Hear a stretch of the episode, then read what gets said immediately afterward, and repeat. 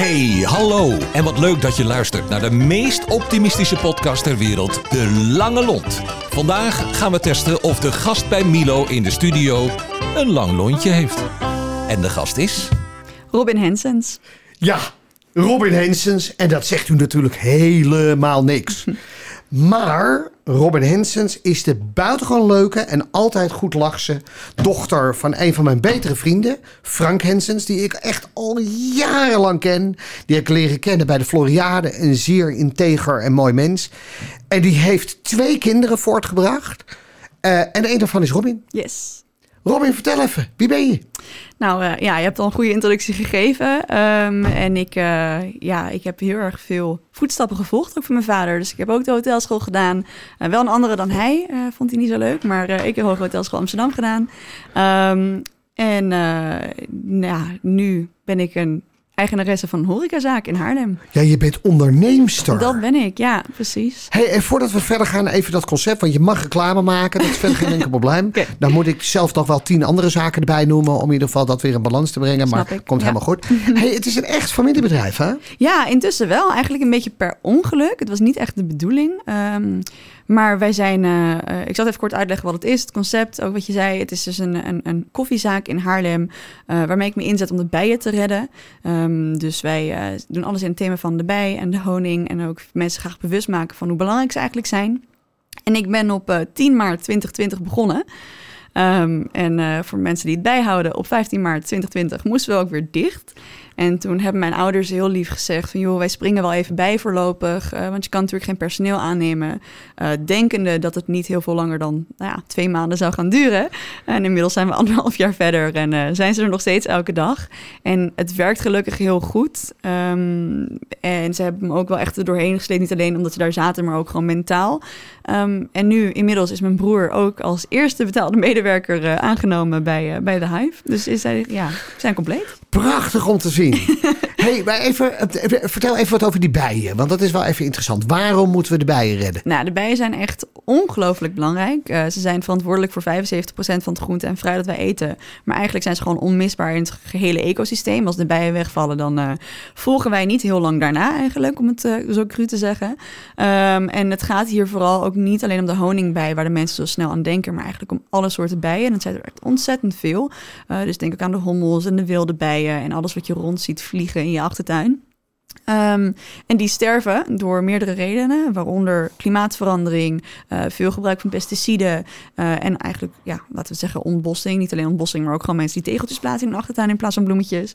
Um, dus uh, we moeten met z'n allen hard gaan werken om ze levend te houden en om ze terug te halen in ons ecosysteem.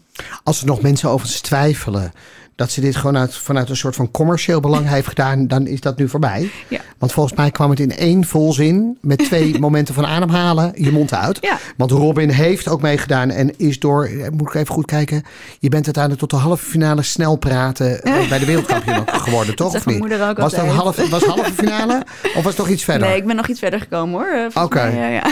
okay, nou, maar dat is op zich wel goed. Maar de passie die is er. Zeker. Hey, uh, 10 maart. Ja. Dan ga je open. Yes. Dan heb je vijf ongelooflijk gave dagen. Dan straal je, want ik was er toevallig zelf ook even. Ja, klopt. En, en, en dan is het 15 maart. En dan? Ja, dat was heel gek eigenlijk. Omdat natuurlijk, uh, we hadden 1 februari heb ik een sleutel gekregen van mijn pand.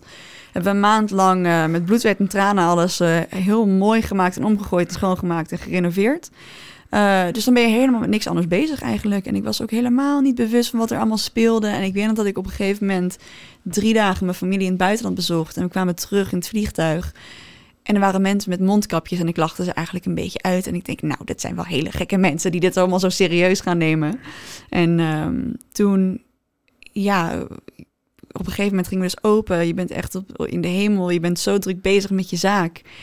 En opeens speelde er het een en ander. Ik hoorde volgens mij van een andere ondernemer van... Heb je gehoord dat wij misschien ook dicht gaan? En ik denk, joh, waar heb je het over? En ja, dan komt opeens heel dichtbij. Maar ik moet zeggen dat ik het niet had zien aankomen. Wat natuurlijk heel naïef klinkt. Maar het was echt zo uit het niets voor mij. Dat het ging dicht. En ik dacht echt, wat gebeurt hier? Wat moet ik hiermee? Wat, wat nu? Um, en in het begin hadden we zoiets van, nou, hè, als het maar twee weken duurt, is het niet zo erg. Uh, even een pauze nemen, want we hebben zo hard gewerkt. Uh, maar ja, nadat je, wat is het, een maand thuis zit, uh, ja, begint het wel een beetje toe te slaan allemaal. Want je bent, ik bedoel even, ik ken je, ik ken je redelijk, maar je bent een ongelooflijk optimist, optimistisch mens. Ja, over het algemeen je, wel. Je bent, je bent altijd vrolijk. Je hebt altijd zin in en je staat altijd te stralen. Die Ja. ogen, daar zit een glinstering in. maar wat gebeurt er dan met jou? Wat gebeurt er met jouzelf? Nou, het was wel echt een beetje een rollercoaster, heb ik het idee. Eh, aan de ene kant denk ik, nou, dat komt wel goed. En ik had ook het volledige vertrouwen dat onze overheid zo goed zou klaarstaan om Ja. allemaal op te vangen. En, en dan hoor je Rutte spreken in de eerste persconferentie. Dat was zo bijzonder, hè? De eerste persconferentie. Ga je allemaal voor klaar zitten. En ik weet dat hij zei van eh, eh, heel direct naar de ondernemers van Nederland. We laten u niet vallen, we laten u niet in de steek. We zorgen ervoor dat iedereen de eindstreep haalt. En dat bracht me best wel veel moed. En ik dacht, nou, het is vervelend, maar we komen hier wel doorheen. Zolang zal het niet duren. En dan ga ik gewoon door zoals, het, zoals de intentie was. Ehm, ja, dat, dat waren mijn eerste gedachten eigenlijk. Maar jij bleek bij de groep te horen die geen historisch bestand had op basis van omzet. Ja. Dus voor niets, maar dan ook niets, maar dan ook niets in aanmerking kwam. Precies, ja, klopt inderdaad. Ja, en dan? Ja, en dan, dan eh, zodra ik dat besefte, ik weet nog dat ik toen ook nog steeds heel optimistisch dacht van nou, dit is gewoon een foutje en dat, daar, daar zijn ze zich niet bewust van. Hè? Het zal vast een hele kleine groep ondernemers zijn die dit heeft en ze weten het gewoon niet. Dus ik moet het gewoon kenbaar maken en dan wordt het gewoon snel opgelost. Dus ik heb toen een filmpje gemaakt en ik heb de situatie uitgelegd en die heb ik op LinkedIn geplaatst en die is toen best wel eh, vaak bekeken. Ehm, en toen ben ik in contact gebracht of gekomen met een ondernemer die eigenlijk een, eh, een ja, die was initiatiefnemer van een organisatie, heet ik val buiten de boot.nl. En die vroeg van, hey, wil je erbij horen? Want volgens mij heb jij best wel eh, een goed, goede grip op wat er allemaal aan het gebeuren is. En eh, er zijn heel veel ondernemers als jij. En we willen er wat aan doen. Dus toen ben ik daar, heb ik me daarbij aangesloten. Leek, bleek uiteindelijk dat het echt een gigantische grote groep is van ondernemers die ook helemaal niks krijgen. Voor wat een reden dan ook. Het is niet alleen starters, maar echt voor super rare, gekke redenen.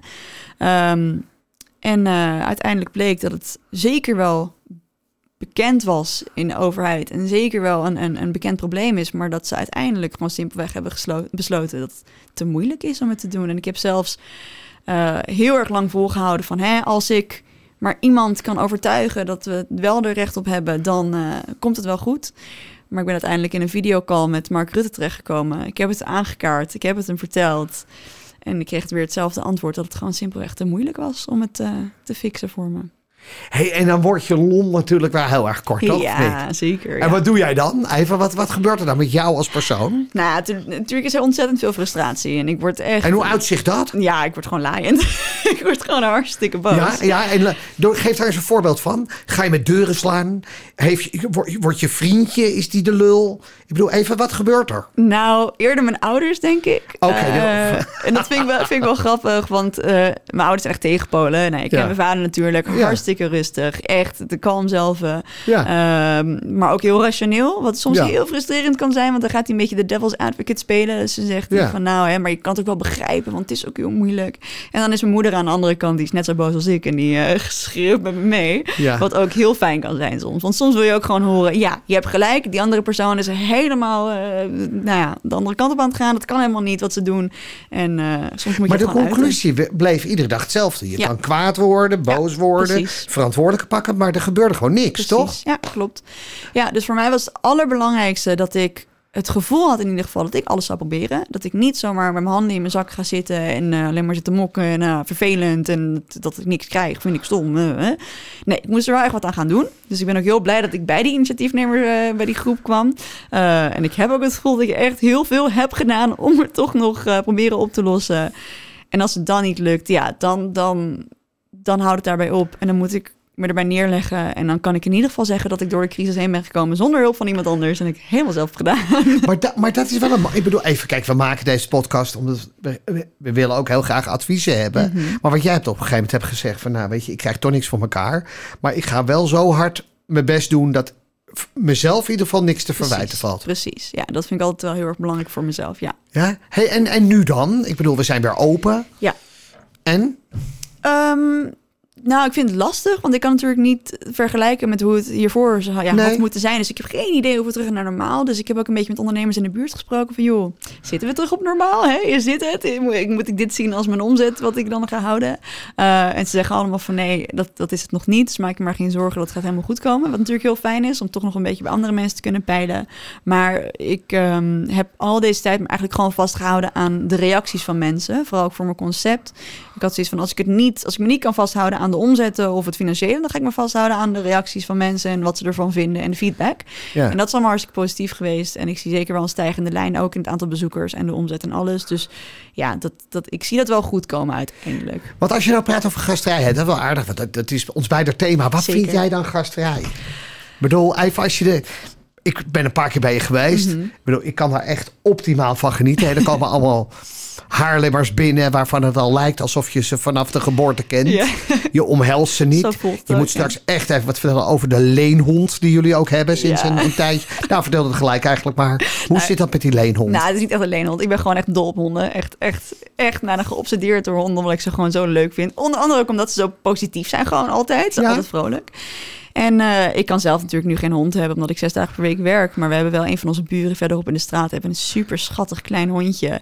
En die hebben ze eigenlijk een beetje gekregen tegelijkertijd met dat ik mijn zaak heb geopend. En die komt elke dag, drie keer per dag langs. Dus die kent ons ook eh, hartstikke goed. En we zijn een beetje tweede thuisvorm geworden. Dus als zij geen oppas kunnen vinden, dan pas ik heel graag op.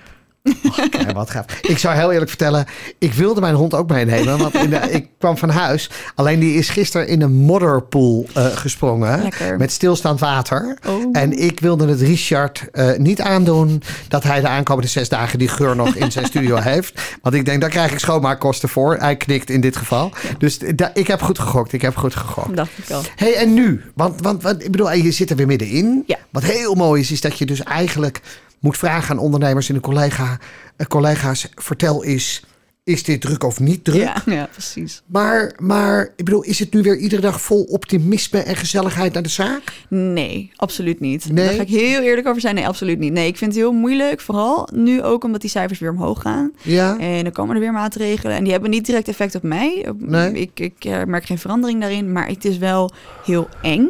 Ja. Ehm, en ik heb heel lang ook geroepen van... nou, als we nog een keer in een lockdown gaan... dan, dan gooi ik de zaak echt dicht. Want dan ga ik het niet nog een keer doen, hoor. Dat, eh, Ja. En dan nu dreigt het ook echt zeg maar, van te gebeuren. Of in ieder geval kan, wordt het steeds Ja. realistischer. En denk je van, oh, oké, ga ik nu ook echt achter mijn eigen voordeel staan? Of ga ik toch nog weer door en dan ga ik er toch weer doorheen? En, en ik begin zo erg te twijfelen over van alles. Ik had, ik zou ook tegen mijn ouders...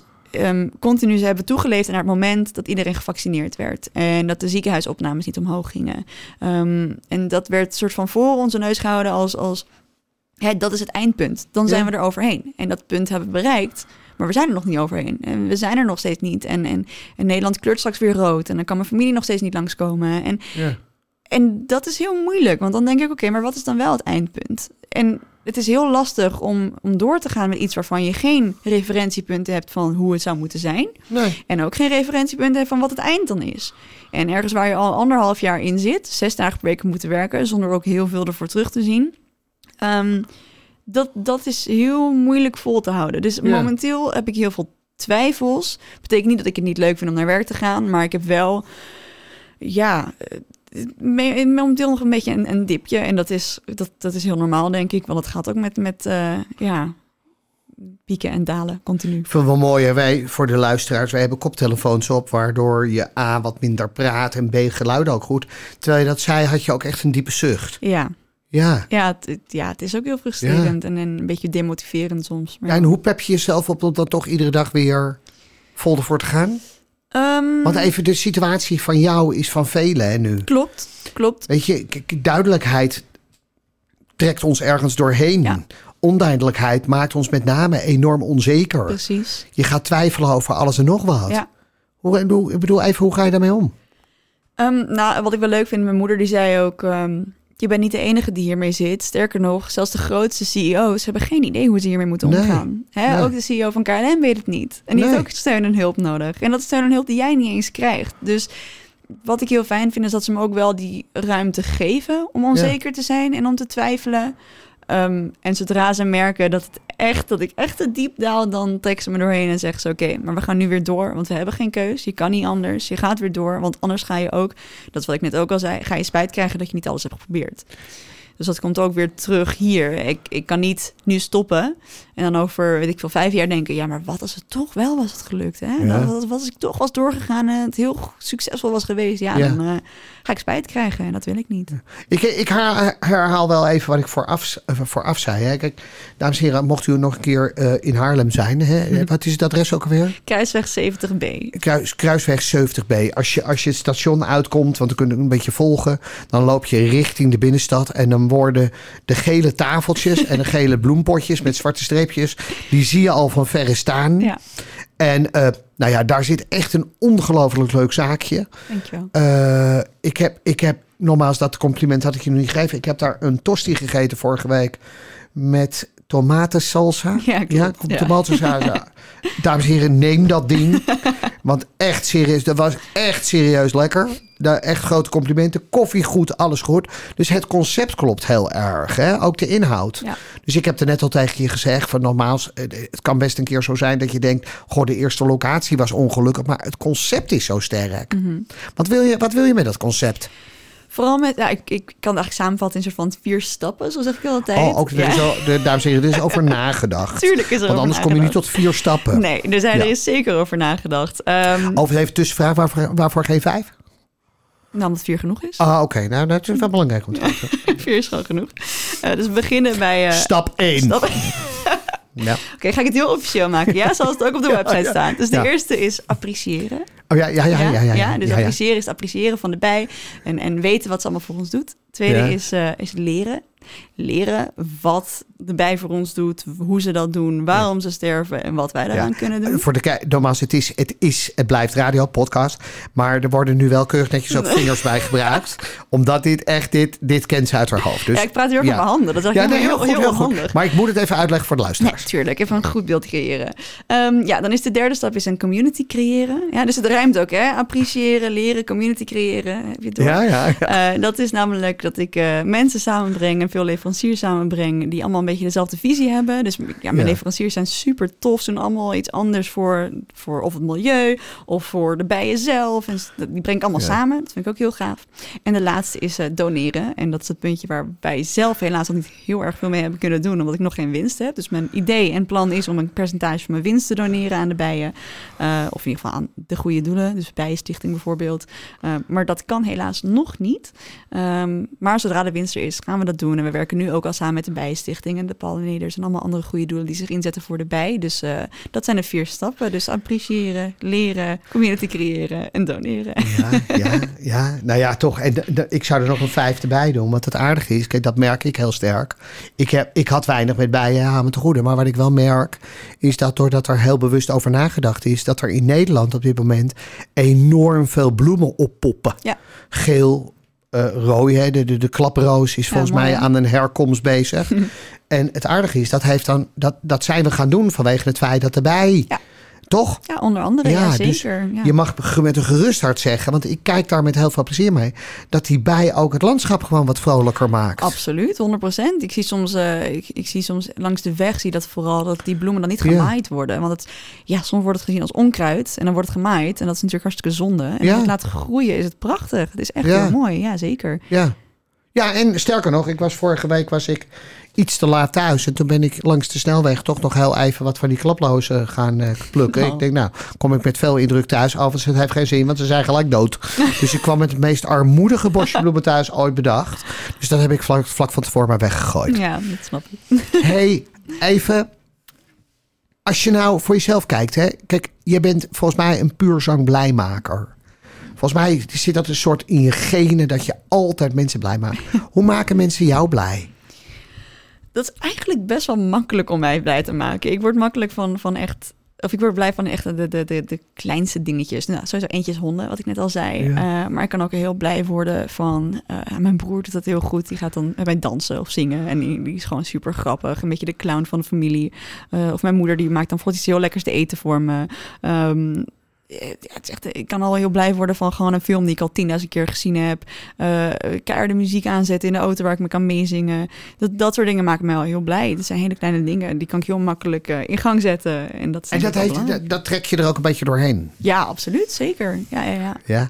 Even nogmaals terug naar de zaken. U moet daar, ik las van de week dat er, er komt nu een real-life soap van die moeder van Hazes. Hoe heet zij? Rachel? Rachel Hazes? Rachel is dat ook, komt dan real life show op. Nou, ik wil in ieder geval alle productiemaatschappijen in Nederland oproepen. Maak een real life show van de familie Hensens uh, in Haarlem. Want dat is echt heel bijzonder. Dat is echt een hele bijzondere familie. Moeder en dochter, dat zijn twee zussen. Die dus praten met een snelheid van 341 km per uur. En we hebben dat voor de, voorbeeld gehad vandaag. Broer Lief, die laveert er een beetje tussen. En dan zit er aan een tafel in een rugby-shirt een man met grijs haar. En dat is vader, die zegt bijna niets. Is te rusten zelf. Hè? Je begrijpt ook waarom, als die twee zussen dan weer voorbij komen. Dus nogmaals, dat is volgens mij een enorme hit voor de aankomende Is dat, ja? Vaak. Ja, dat mijn moeder zegt ook continu. Joh, als mensen ons zouden filmen, zouden ze het of heel grappig vinden... of denken dat we gek zijn. Ja. Eén van de twee. Geweldig. hey, als je nou, wat is jouw levensmotto? Ik heb er twee. De ene is You're Never Fully Dressed Without a Smile. Heel cliché natuurlijk van Audrey Hepburn. Ja, oh, kijk eens even. En uh, de tweede is uh, Time you enjoy wasting is not wasted time. Even voor de mensen in dit geval die dit vloeiende uh, Engels ver, verrast raken. jullie spreken ook thuis, hè, Engels toch? Ja, klopt. Nou, we spreken echt van alles en nog wat. Ja? ik ben drietalig opgevoed. Um, mijn moeder komt uit Israël, dus die heeft Hebreeuws met mij gesproken. Mijn vader natuurlijk Nederlands. Het was Nederlands. Zij spraken Engels met elkaar, ook al spreekt mijn moeder vloeiend Nederlands.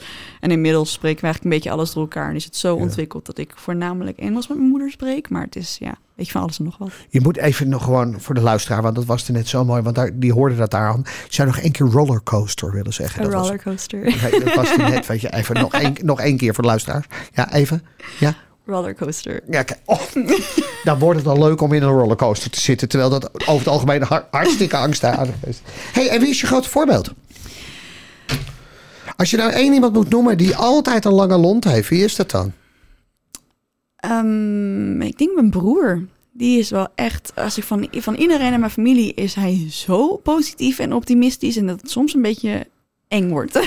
dat je denkt van, joh, hallo.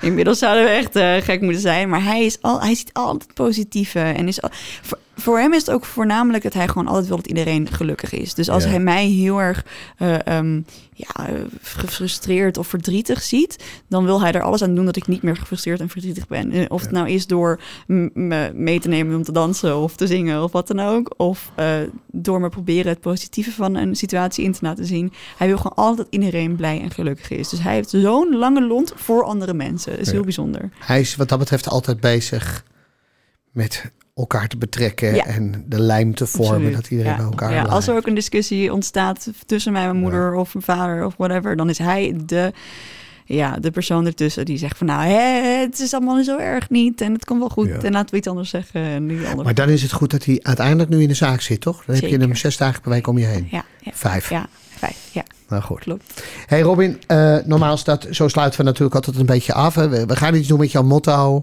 Uh, we gaan je uh, nog van alles meegeven. En in de zin van een soort van certificaat, die kan je gewoon in je, in je zaak hangen. Waardoor ik van overtuigd ben dat mensen in één keer denken: hé, hey, wat gebeurt hier? Want dat kent een ongelofelijke waarde, mede door het feit dat mijn handtekening daaronder staat. Natuurlijk. Want alleen die al is heel veel waard. Dus je krijgt er wel een lijstje. En je krijgt er een beveiliger bij. Want anders ben je hem ook, is hij ook zo weg. Snap ik, ja, tuurlijk. Maar weet je, even het aardige van het verhaal is dat, en dat spreek je onvoldoende uit, maar daar is nu wel aanleiding voor. Uh, ik heb wel enorm veel respect voor je. Uh, vanwege het feit dat je die durf hebt gehad.